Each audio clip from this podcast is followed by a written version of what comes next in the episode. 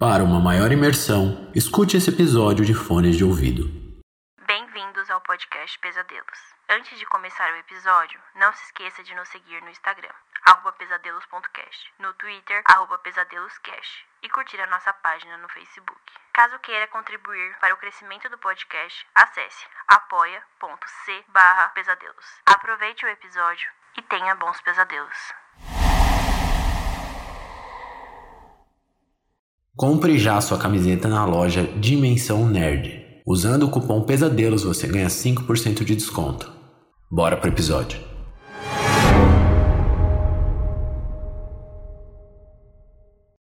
O som por William Camargo.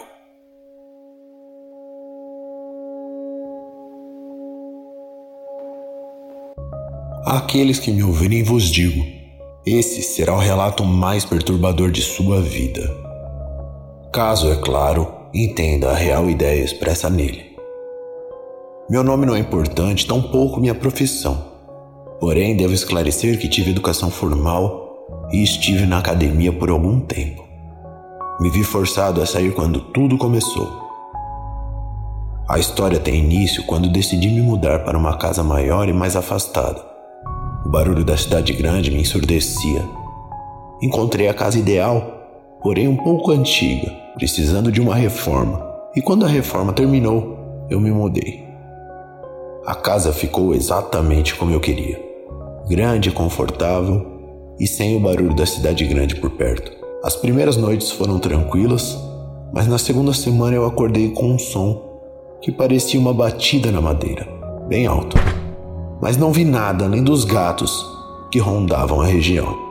Os dias se passaram e em seguida acordei com um dos ouvidos tapados, como se um lado estivesse com um zumbido agudo bem estranho. Os dias se seguiram e o ruído aumentou. Fui ao médico e os exames revelaram um ouvido perfeitamente saudável. Não havia nada de errado. Os dias seguiram e o ruído desapareceu. Mas uma ou duas noites depois, acordei de repente Pensei ter ouvido chamarem o meu nome. Eu não consegui pregar os olhos naquela noite, fiquei acordado, feito os gatos da vizinhança. O que antes acontecia apenas durante a noite, começou a acontecer durante o dia. De vez em quando o ruído, outras vezes a batida forte, e até ouvir o meu nome. Decidi recorrer a um psiquiatra, que após uma bateria de exames disse-me que minha saúde mental estava bem. Passou apenas um calmante leve para eu pegar no sono.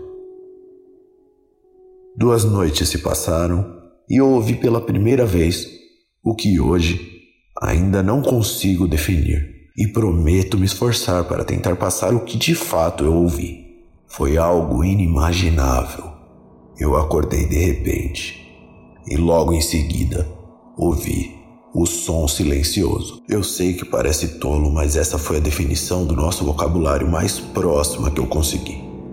Não foi um som abafado, nem um barulho distante.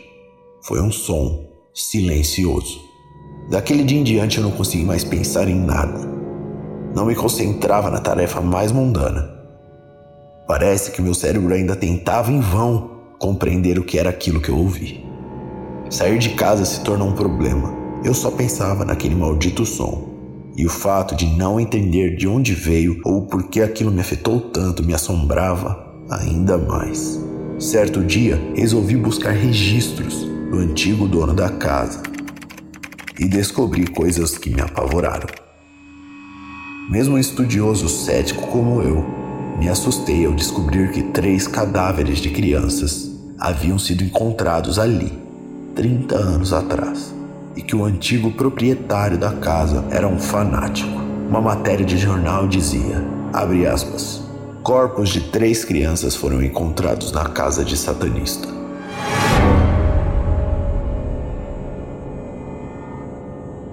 Mesmo sendo cético, fiquei assustado, principalmente com o fato das crianças. Naquela noite eu tentei dormir e só peguei no sono bem tarde. E acordei no meio da madrugada com um copo de vidro quebrando. Peguei uma vassoura velha e desci as escadas. Encontrei um copo de vidro quebrado no chão e um gato na cozinha. Havia deixado a janela aberta e ele entrou.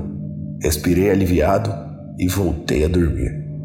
Mas minha mente não parava de me assombrar, tanto com o som silencioso quanto com o fato do ex-proprietário da casa. Foi quando perdi total noção de meus atos. Para ser sincero, essa parte torna meu depoimento ainda menos crível. Fui internado em um manicômio. Apesar de minhas faculdades mentais estarem em ordem, fui internado por ter rasgado meu próprio tímpano esquerdo e parte do direito. Depois daquele som silencioso que ouvi, ouvir qualquer outro som se tornou uma tortura. Então eu tentei me deixar surdo e fui impedido e colocado aqui.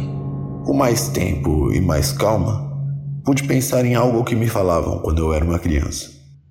As histórias diziam que os feiticeiros não morriam, que suas almas eram presas dentro de gatos. Talvez o som que ouvi, o som silencioso, tenha sido só o antigo proprietário da casa, miando.